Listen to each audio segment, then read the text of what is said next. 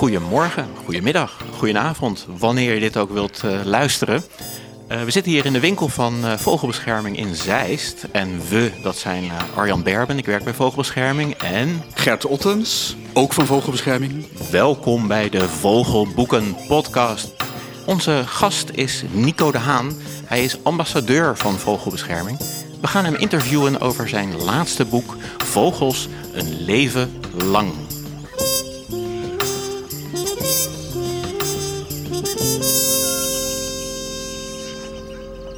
De Vogelboeken Podcast. Een podcast van Vogelbescherming Nederland.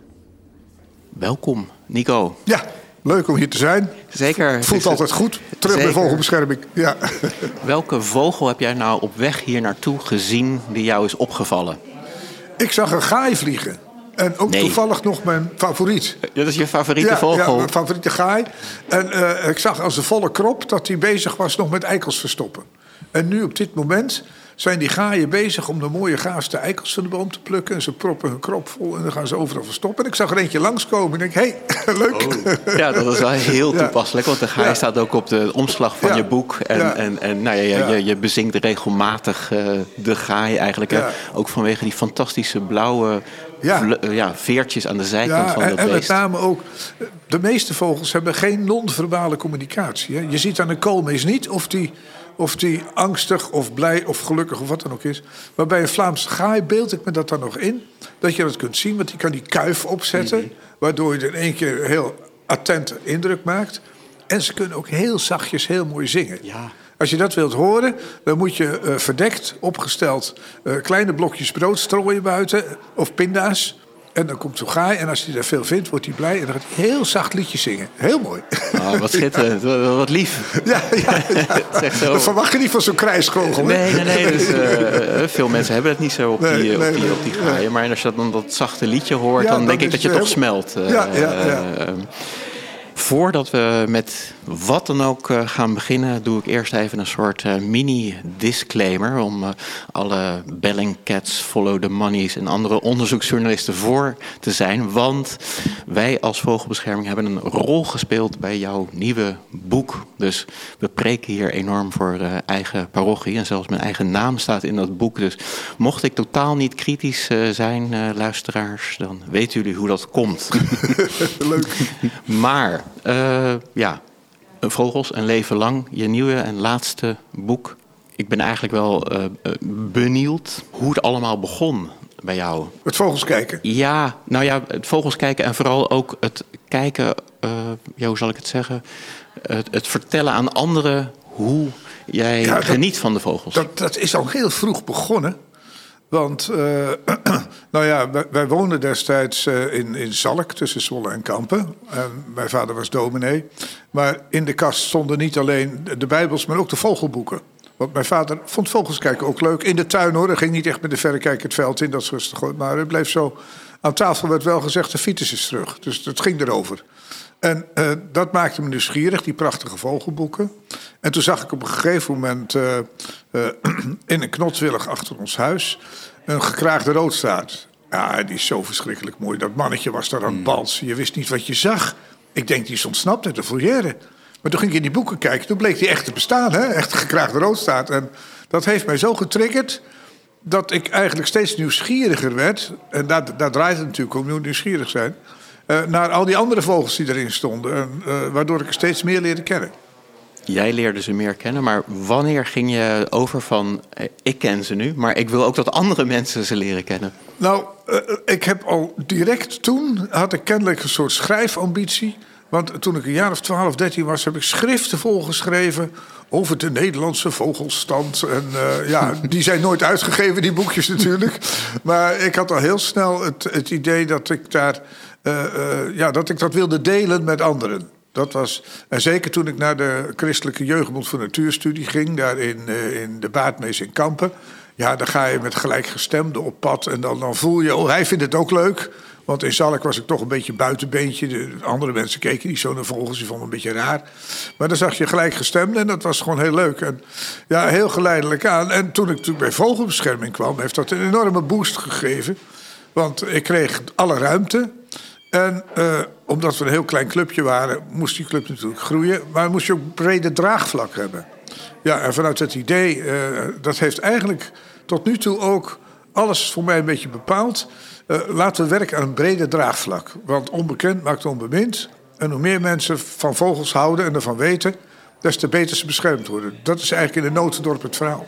Ja, dus je probeert gewoon mensen enthousiast te krijgen over vogels, zodat ze ze gaan beschermen. Dat is eigenlijk, ja, ja dat klopt. Dat is de achterliggende gedachte. En ik vind het ook gewoon leuk hoor, want ik kan het niet laten als ik ergens sta met een telescoop en ik heb er iets moois in. En er komt iemand naast me staan die ik helemaal niet ken. Zeg, moet je eens even kijken. Ja, en zeker in de telescoop, die mensen vallen vaak om voor verbazing, want dan krijg je in één keer een beeld, mhm. iets heel dichtbij, wat daar grens in de vette zit. Dat, uh, ja. ja, dus je hebt eigenlijk niet alleen iets met vogels, maar je hebt ook iets met mensen. Ja, veel. Ja, zonder mensen wordt het niks. ik heb ook zoveel excursies gedaan altijd en lezingen gegeven. En ja, dan, dan uh, voor, voor kleine, maar destijds met vogelbescherming ook in grote zalen, in de doelen. Maar je krijgt ook heel veel terug. En dat maakt het natuurlijk heel leuk. Ja, ik zat nog even de psycholoog uh, uit te hangen. Ja, heel goed. Uh, want ik zag dat je vader dominee dus was. Ja, je zei dus, het net ook. Dus ja. eigenlijk ben je ook een soort dominee, maar dan nou, van de vogelwereld. Het is me vanaf de kansen volgepreekt eigenlijk. En uh, ja, dus ja, het woord verspreiden, maar dan in dit geval het vogelwoord. Ja. Toen je opgroeide in Zalk en toen je daar begon met vogelen... hoe zag de, de vogelwereld er daar toen uit en hoe anders is het nu ook? kun je daar iets kort op, in, in, het boek komt het meerdere keren terug, maar hoe kun je daar iets over mijn, zeggen? Mijn vogelwereld uit mijn jeugd bestaat niet meer. Hè? Oh. Dat, ja, dat is, dat is triest. En, eh, nou ja, Zalk ligt een beetje op de rand. Het, is, het ligt aan de IJssel. Mhm. En uh, aan de buitenkant, zeg maar vanaf de dijk naar de IJssel, is het alleen maar beter geworden. Want daar zijn nieuwe natuurontwikkelingsgebieden ontstaan. Dat is, daar komen nu vogels voor die je vroeger daar niet zag. Oh, oké. Maar de andere kant op, dan ga je de polder in, dan ga je het weiland in, het boerenland. Ja, daar is Silent Spring, daar is alles weg. En hmm. daar, uh, maar ook uh, de, de camphaantjesplaats, die balsplaats, die is er natuurlijk niet meer. De camphaantjes zijn er niet meer. Uh, heel veel weidevogels zijn vertrokken. Dus het is heel dubbel. Het is aan de ene kant zie je enorme winst en enorme vooruitgang. Mede door de klimaatverandering natuurlijk. Er moesten er nieuwe geulen gegraven worden. En daardoor kwamen er ook weer nieuwe natuurgebieden bij. Uh, maar er zijn ook toch wel heel veel plekken, met name het, het agrarisch gebied waar ik heel treurig voor word, waar ik liever niet meer naartoe ga. Waar ik de leeuwen, ik, ik mis daar alles. Inderdaad, dat kan ik me voorstellen. Jij, ja. Toen ik zelf begon te vogelen in de jaren zeventig, zag de wereld er natuurlijk ook nog steeds heel anders uit dan, uh, dan nu, helaas. Maar je zei het zelf net al, dus, ja, er zijn ook vogels bijgekomen. Of met sommige soorten gaat het juist, is het juist wel heel goed gegaan. Heb je daar nog voorbeelden van? Je, nou ja, de, de, de, grote vogels, die van grotere prooien afhankelijk zijn, daar gaat het eigenlijk wel goed mee. Hè? Denk maar eens aan de ooievaars, die, hè, dankzij vogelbescherming, maar die hebben zichzelf ook weer gered nu. Mm. Maar ook kraanvogels gaat het weer, weer uh, booming. Uh, al die zilverreigers die je tegenwoordig iedereen overal ziet. Dus de wat grotere soorten, die grotere prooien hebben... die weten zich redelijk goed te redden. Daar gaat het zelfs goed mee. Zee, zeearend. Ja. Hè, dus, dat zijn ook een soort die de mensen zien. Dus ze zeggen ook van, ja, waar heb je het over?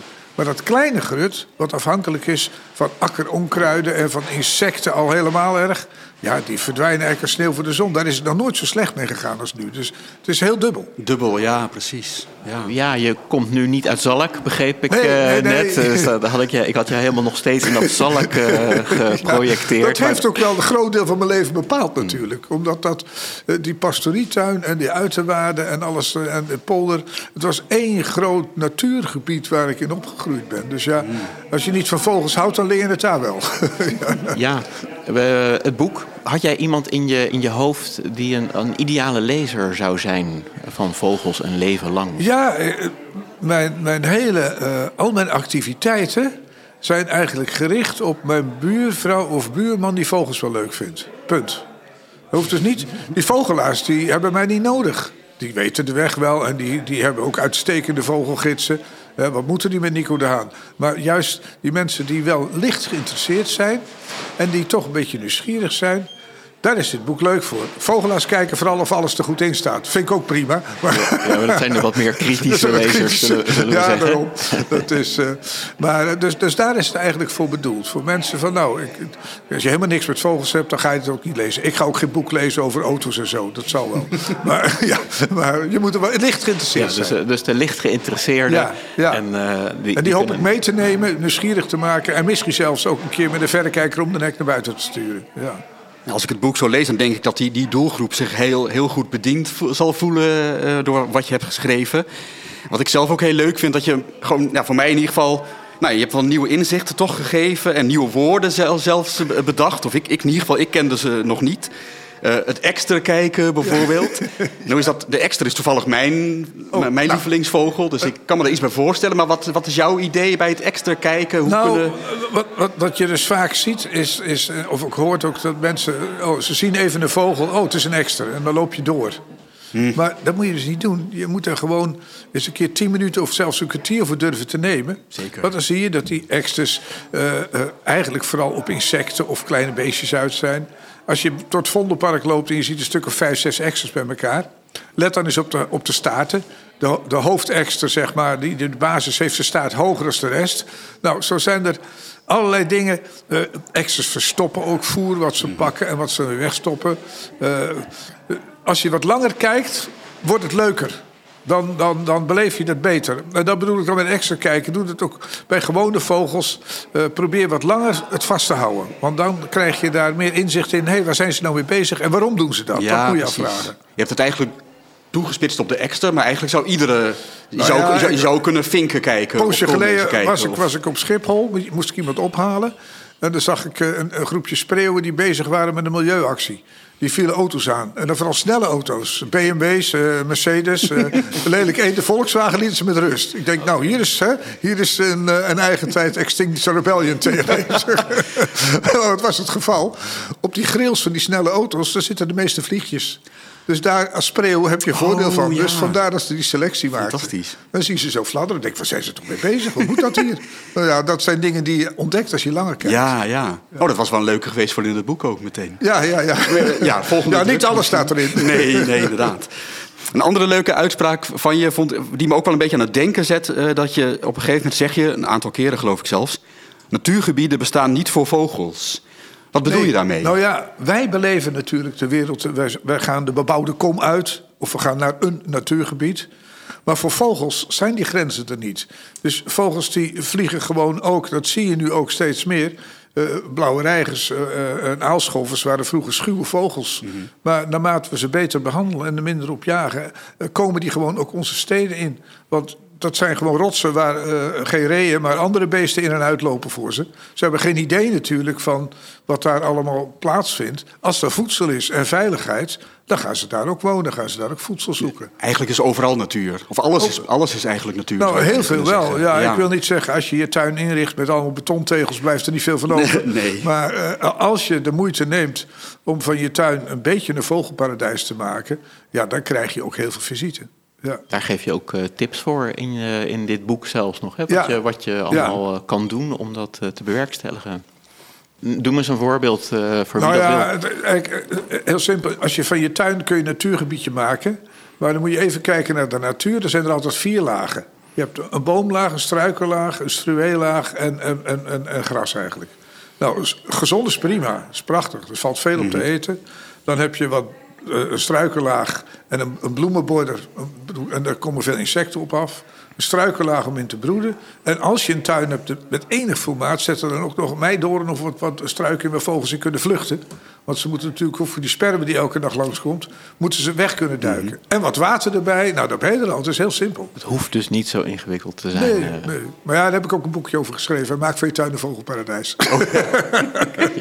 Dat is weer een, weer een, een, ouder, een, ouder, een, ouder, een ouder werk, maar is dus nog steeds eh, verkrijgbaar. Ja. Eh, zeker. Nou, koop het dan tegelijk met de vogels een leven lang. goed. Ja, dan dan ben je van alle kennis voorzien die nodig, Ja. eh, die nodig is.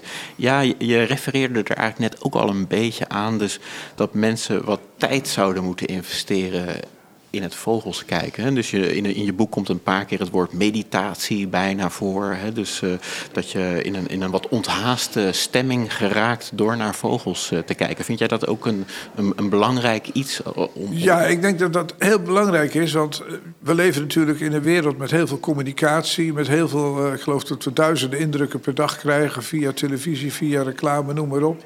En de telefoon heeft er ook niet toe bijgedragen dat we meer tijd voor, voor onszelf hebben. Want die flitst ook elk moment aan met weer een interessante mededeling die je absoluut niet kunt missen. Dus uh, dan zeg ik eigenlijk, ja, als je vogels gaat kijken, durf die telefoon eens een dag thuis te laten. Dat is shocking voor mensen, want dan voelen ze zich half naakt als ze geen telefoon bij zich hebben. Zeker maar als je zo'n telefoon thuis laat, ja. dan, dan ben je dus gewoon geconcentreerd op alles wat buiten, ge, buiten gebeurt. En als je daar de tijd voor neemt, dan word je ook helemaal rustig. Dat is, ze noemen dat wel bosbaden en boswandelen. En, uh, maar ook vogels, vogelsbaden kan dus ook, als ja. je een, uh, een, vogel ziet. En dat werkt dus ook wel als je de tijd daarvoor neemt. Als je dan een vogel ziet en je gaat zitten, dan zie je vaak weer de volgende en weer de volgende.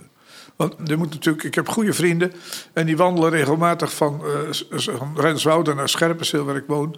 En dat doen ze in een uurtje en dan wandelen ze vijf kilometer per uur. En ze snapt niet dat jij, jij al die vogels ziet. Maar ja, die vogels gaan keurig voor ze aan de kant. En als ze voorbij zijn, dan sluit het net zich weer. Want door zo intensief snel te bewegen, zie je dus niks. Je moet eigenlijk, uh, ja, ik zeg het is erger als winkelen. Het schiet niks op. Je moet hier eens kijken en daar eens kijken en nog eens kijken en nog eens kijken. En de tijd nemen. En daar word je ook lekker rustig van. Ja, nee, in uh, mijn uh, thuissituatie is precies ja. dit het probleem.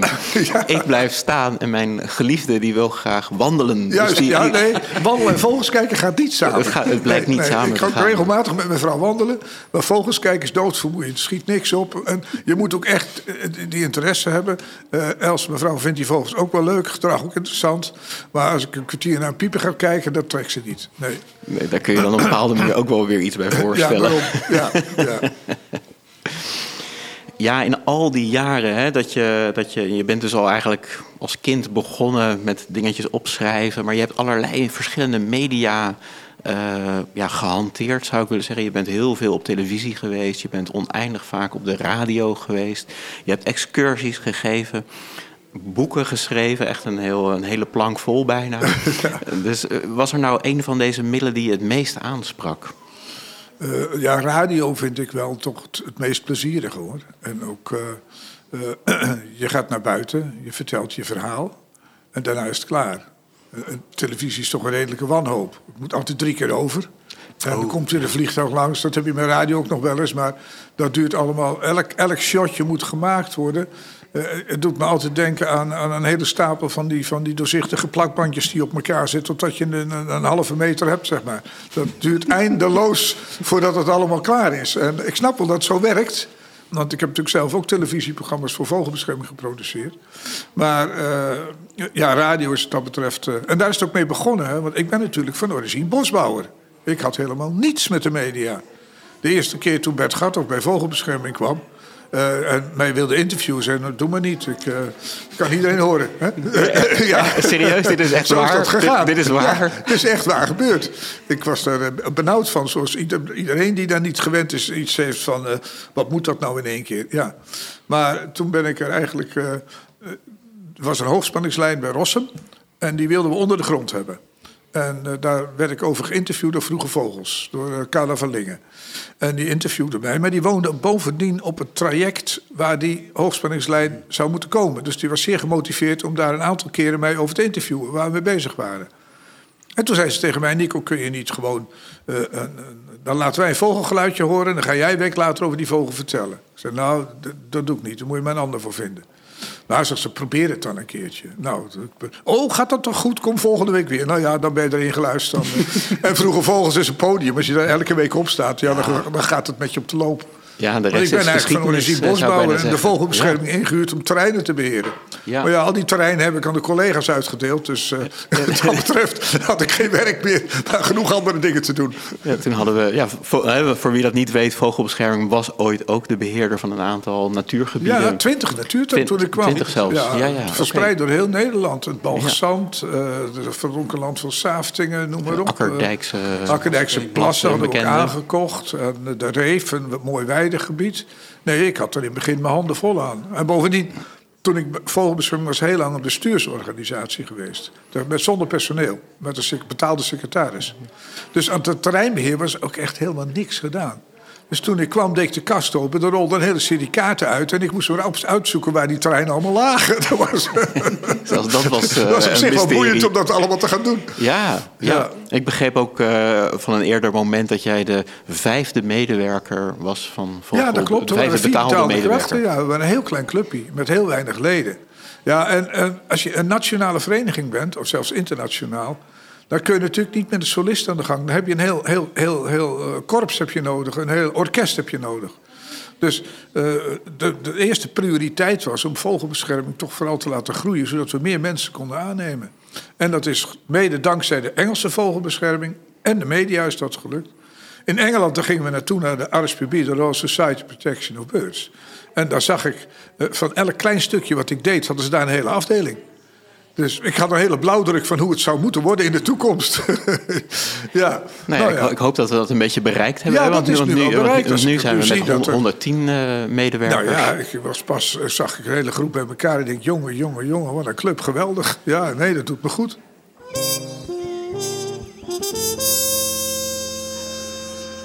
Het favoriete vogelboek. Nico, je mag niet een van je eigen boeken noemen. Nee. maar wat is jouw favoriete vogelboek? Nou, waar het mee begonnen is, ja, het zijn er twee, moet ik zeggen. Het, het eerste boekje was K verteld. Als klein jongetje uh, had ik een, een, boekje K verteld. En dat was een jongen en die had een tamme kraai. En die tamme kraai die kon natuurlijk ook praten en daar ging hij mee op pad. En man, ik heb dat boekje geloof ik wel dertig keer gelezen. Echt, echt zo'n kinderboekje met van die hele grote letters en mooie tekeningetjes. Dat, uh, dat heeft dus voor mij ook een tril gegeven. En later, toen ik een jaar of 11, 12 was, uh, toen uh, kwam het boek Nederlands Vogelleven van Nol Binsbergen. En die liet daarin zien hoe je met schuilhutten bij vogels van alles kon gaan bekijken. Ik denk, dat is mooi. Dus dat ben ik zelf ook gaan doen. Dus ik heb overal toen in Zalk schuilhutten gemaakt. En ja, dan zit je in één keer...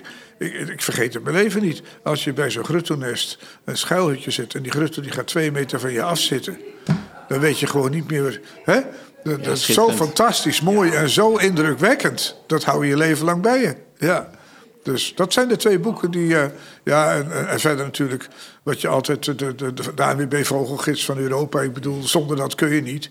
Maar, uh, ja. maar daar heb je als beginnende vogelaar helemaal niks aan. Hè? Dan word je gek. Blijf bladeren. En daarom heb ik die andere boeken gemaakt, maar dat weet je wel. Zeker, zeker. Nee, die, maar die, die lieten we even buiten beschouwing in deze rubriek. Het is uh, K verteld. K over, verteld. Over de kraai en Nederlands vogelleven ja, van ja. Nol Binsbergen. Ja.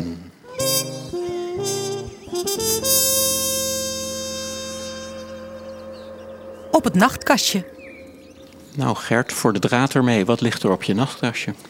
Een heleboel, een heleboel vogelboeken. De laatste tijd lijkt het wel alsof er bijna wekelijks weer een nieuwe interessante titel uitkomt. Ook in deze podcastserie zullen we een aantal daarvan nog bespreken. Ik heb gekozen voor, uh, ik heb hem niet meegenomen, uh, The Birds of China, een nieuwe veldgids voor de, nou ja, de vogels van China. De, titel zegt het al. Ik heb hem niet meegenomen, het is een hele dikke pil. Er zijn bijna 1500 soorten in China vastgesteld. Dus het is, een, ja, het is echt een kloek, kloek boekwerk. Volledig geschreven door, uh, ja, door Chinezen, wat ook wel bijzonder is bijna. Want er zijn een aantal Chinese veldgidsen door Engelsen, geloof ik, of Amerikanen. In ieder geval niet door Chinezen zelf geschreven. Deze dus wel. Ik moet wel zeggen, hij valt een beetje tegen ergens. Want er zijn ook meerdere, ik geloof wel tien verschillende illustratoren bij betrokken. En de tekeningen van de ene vind ik iets sprekender dan, en beter ook te gebruiken dan de ander. Um, ik heb het boek op mijn nachtkastje liggen niet omdat ik naar China wil, of dat, nou dat wil ik misschien ooit nog wel eens. Um, of ooit in China ben geweest uh, zelfs, maar ja, ik, ik, ik, ben wel zo iemand die dan... Nou ja, er staan natuurlijk allerlei soorten in die in Nederland op zouden kunnen duiken als dwaalgast. Dus dan vind ik het toch wel interessant om ook dat soort uh, uh, boeken te hebben. Ja, dus ik begin, begint er langzaam een, een glimlach op mijn gezicht. Uh, dat je dus een boek over Chinese vogels gaat bekijken die misschien naar Nederland zouden kunnen ja, komen. Dat is een beetje dat gaat ver hoor. Wishful thinking is dat. Ja, misschien ook wel. maar je geniet er wel van. Ja, zeker. Zo, zeker. Zo ja, dus, ja, ja, nee, inderdaad. The Birds of China. China. En, uh, is het een nieuwe veldgids? Ja, of, is, hij, of uh, standaard werk? Ja, ja zeker. Hij is, hij is, officieel verschijnt hij geloof ik half december, maar ik heb al een exemplaar mogen ontvangen. Ik weet niet of ik de, de namen van de auteurs hier, die heb, ik heb ze voor me, maar ik weet niet eens of ja, ik ze goed uit kan spreken. Um, nou ja, de twee, de twee hoofdauteurs zijn in ieder geval Liu Yang en Chen Shuihua. Oh, ja. We keuren het goed. Excuses voor als ik het niet goed heb uitgesproken.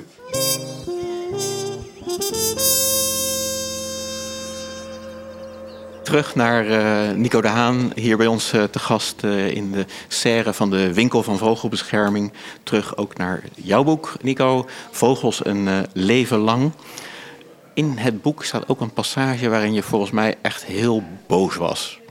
Weet jij waar we het over hebben? Ja, ik denk op die zondagochtend dat ik vogels ging kijken. Ja. En dat uh, op een gegeven moment, daar verheug je dan op. Hè. Je gaat s'avonds liggen, je denkt, oh morgenochtend dan ga ik lekker vroeg op. Het is voorjaar en het wordt mooi weer voorspeld. En het is ook altijd fijn als je vogels gaat kijken dat het niet waait en regent, maar dat het een beetje zonnig is en rustig. Dan hoor je ook al die geluiden. En ik ben nog maar net naar het poosje buiten om een uur of uh, vijf. En dan komt er al een vliegtuig over. Ik denk, nou ja, het is zeker een vroeg vliegtuig. Maar het bleef maar doorgaan. Elke drie, vier minuten kwam er weer een. En ook nogal voor mijn gevoel veel lager dan anders. Mm. Dus ik kwam eigenlijk helemaal opgefokt thuis. Ik had 42 vliegtuigen over horen komen in plaats van vogels horen zingen. Ja, je hoort dan ook wel wat, maar op een gegeven moment trekt dat zo de aandacht. En je gaat er dan ook steeds meer op letten natuurlijk. Dan komt er weer een, dus die irritatie bouwt steeds verder op. Dus ja, ik moet er niet aan denken dat die, die nieuwe vliegroute omgelegd gaat worden. En dat we dat circus straks elke dag boven ons hoofd krijgen. Want dan is Nederland geen vogelland meer, maar dan, dan, dan, dan is het vliegtuigland geworden. Eén. Ik snap wel de mensen dicht bij Schiphol dat die er veel last van hebben. Maar als je er zeg maar, meer dan 100 kilometer bij Schiphol vandaan woont... en je hebt er dan ook nog steeds last van... Ja. dan maak je dit land toch wel onleefbaar. Ook voor vogels lijkt me, want al die herrie boven je hoofd... dan moet je bovenuit zingen. Vogels moeten hun lied aanpassen. Ze moeten proberen daar... Dus het is. Nou ja, daar was ik dus op een gegeven moment redelijk uh, upset over. En daar heb ik in een, een, boze bui opgeschreven. Dat zit er ook in. Ja, ja, ja nee, dat, uh, ik vond het heel leuk om te lezen. Ondanks de serieuze ja, ja. aanleiding ervan. En nou ja, gelukkig is dat hele Lelystad Airport. Wat uiteindelijk. We hebben er enorm tegen geprotesteerd als vogelbescherming. Omdat het zo dicht bij een natuurgebied ligt. Een van de mooiste van Nederland zelfs. De Oostvaardersplassen. Onbegrijpelijk dat je daar dan daarnaast een vliegveld plant. Maar ja, al met al, het is nog steeds niet open. Dus laten we hopen dat van. Nee, ik heb er ook tegen geageerd. Ik vind het ook zo ontzettend, ontzettend dom. Het wemelt daar van de ganzen. En ganzen en vliegtuigen, dat gaat nog wel een beetje samen. Maar het wemelt zo langzamerhand ook van de zeearenden. En OW als er een zeearend in de buurt is... dan gaan die ganzen in blinde paniek er vandoor. Dan letten ze nergens op. En dan kun je de grote ongelukken daar uh, bij Lelystad krijgen. Zeker, ja. Maar ja, ze gaan nee, alleen maar uit van de situatie van... we gaan die ganzen rustig verjagen. Maar ze vergeten even dat de wereld verandert. En in hoog tempo. Ja. ja nee, zeker. De zeearend is juist ook een van die stijgers die we ja. benoemd hebben. Een van die grote vogels die, die, die het klopt. goed doet. Hè, die nu met 30 broedparen Die de gans in, in beweging houden. En, en zeker ook de ganzen in beweging houden. Dat is uh, absoluut uh, waar. Ja, hoe, hoe je het ook wendt of, uh, of keert. Uh, je hebt een heel leven lang vogels gepopulariseerd. Zie je nou mensen die het stokje van jou aan het overnemen zijn? Gelukkig wel. Want vroeger was je echt, toen ik met, met vogels kijken begon en ook met die, met die televisieprogramma's. Toen was er maar één Nico de Haan. Ik zei, maar dat is veel te weinig, er moeten er veel meer komen. En die zijn er gekomen. Bij al die regionale omroepen zie je vaak mensen rondlopen die over vogels vertellen. Camilla Dreef, hè, ook collega-ambassadeur, doet het fantastisch. Die echt ook zo spontaan vertelt ze, daar ben ik heel blij mee. Dus er zijn veel meer mensen die nu in de media over natuur en vogels vertellen dan in mijn tijd. En uh, ik sukkel nog een beetje na, maar ik vind het prachtig dat het nu zo uh, echt overal. Uh, dat er tijd en aandacht voor is. En Vroege Vogels, die serie elke keer. Ook hele goede televisie maken die ervan. Ik heb jaren daarvoor gepleit, maar ze wilden er niet aan. Alleen maar radio. Nou, fantastisch dat het nu ja, allemaal zeker. gebeurt. Geweldig. Ja, het heeft echt best wel een vlucht uh, genomen. Ja, het heeft een vlucht genomen. Ja, je kan zie de regio, de televisie. Ik heb jarenlang voor TV Gelderland dat soort dingen gedaan. Maar het gaat nu steeds door en steeds vaker en steeds meer plekken. En ook Marieke van, uh, hoe heet het, van Staatsbosbeheer, die bij uh, Buitengewoon, die serie. Ook een leuke mix. Ja. Kijk, we hebben ook jarenlang een programma gemaakt. Dat was ook een leuk programma. Bos, Peuk en Haan was dat. En dan had je Evelien Bos, die deed zeg maar de cultuur. En dan uh, Ramon Beuk deed de streekgerechten. En ik deed de vogels en de natuur. Waardoor je altijd mensen die geïnteresseerd zijn in koken... krijgen dan ook een beetje van de vogels mee. Uh, en, en zo werkt het ook binnenste buiten. Oh, ik vind het leuk om naar huis en inrichtingen te kijken... maar dan krijg je ook gelijk wat mee wat er in de natuur gebeurt. Dat, dat maak je, verbreed je die doelgroep. Dat is heel goed. Ik dacht dat Vogels een leven lang je laatste boek zou zijn. Maar nu hoor ik net dat dat niet zo is. ja, wat is een laatste boek? Je weet het niet, hè? Maar nou ja, ik ben natuurlijk uh, opgegroeid in Zalk. En ik was zeven jaar toen ik daar kwam... En uh, ik kwam uit Aanlanderveen, Zuid-Holland. En uh, ik voelde me net een koekoeksjong. Import. Zo heet het boek zo, koekoeksjong het Zalk. Want uh, de mensen praten anders. Ik kon ze niet. Ze zei: Kom je maar spullen? Ik denk: waar zou dat nou toch over gaan, weet je wel? Of je morgen kwam spelen. Nou ja, dat soort dingen. Maar ook al die gebruiken die nu al lang weer verdwenen zijn. Met oud en nieuw, dan gingen we overal wagens weghalen. En die zetten we dan voor de kerk en uh, dat soort dingen allemaal. Het zal in meer dorpen gebeurd zijn hoor. Maar ik heb het zelf heel intensief meegemaakt. En ik ben nu druk dat allemaal aan het opschrijven. En dan stop ik er ook nog weer mijn dagboekjes in van vroeger. Worden die alsnog gepubliceerd, snap je? Dat, dat vind ik dan ook wel weer leuk. Oh, ja, zeker. Hartstikke ja. leuk. Nou, ja. Nico, ontzettend bedankt voor je toelichting op je boek Vogels een leven lang. Dus uh, van harte aanbevolen voor iedereen die uh, geïnteresseerd is in, in vogels. En iedereen die hier naar geluisterd heeft, ook heel erg bedankt voor het luisteren. Volgende maand gaan wij ons richten op een hele wonderbaarlijke vogel. Wonderbaarlijk omdat hij fantastische afstanden weet uh, af te leggen, namelijk de kanoet. Juist. Nou, bedankt voor de gastvrijheid en tot ziens.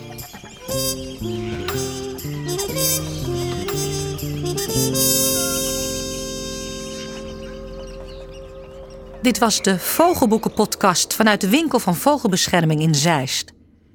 Kom ook naar onze winkel voor een vogelboek of bekijk het aanbod op vogelbeschermingshop.nl.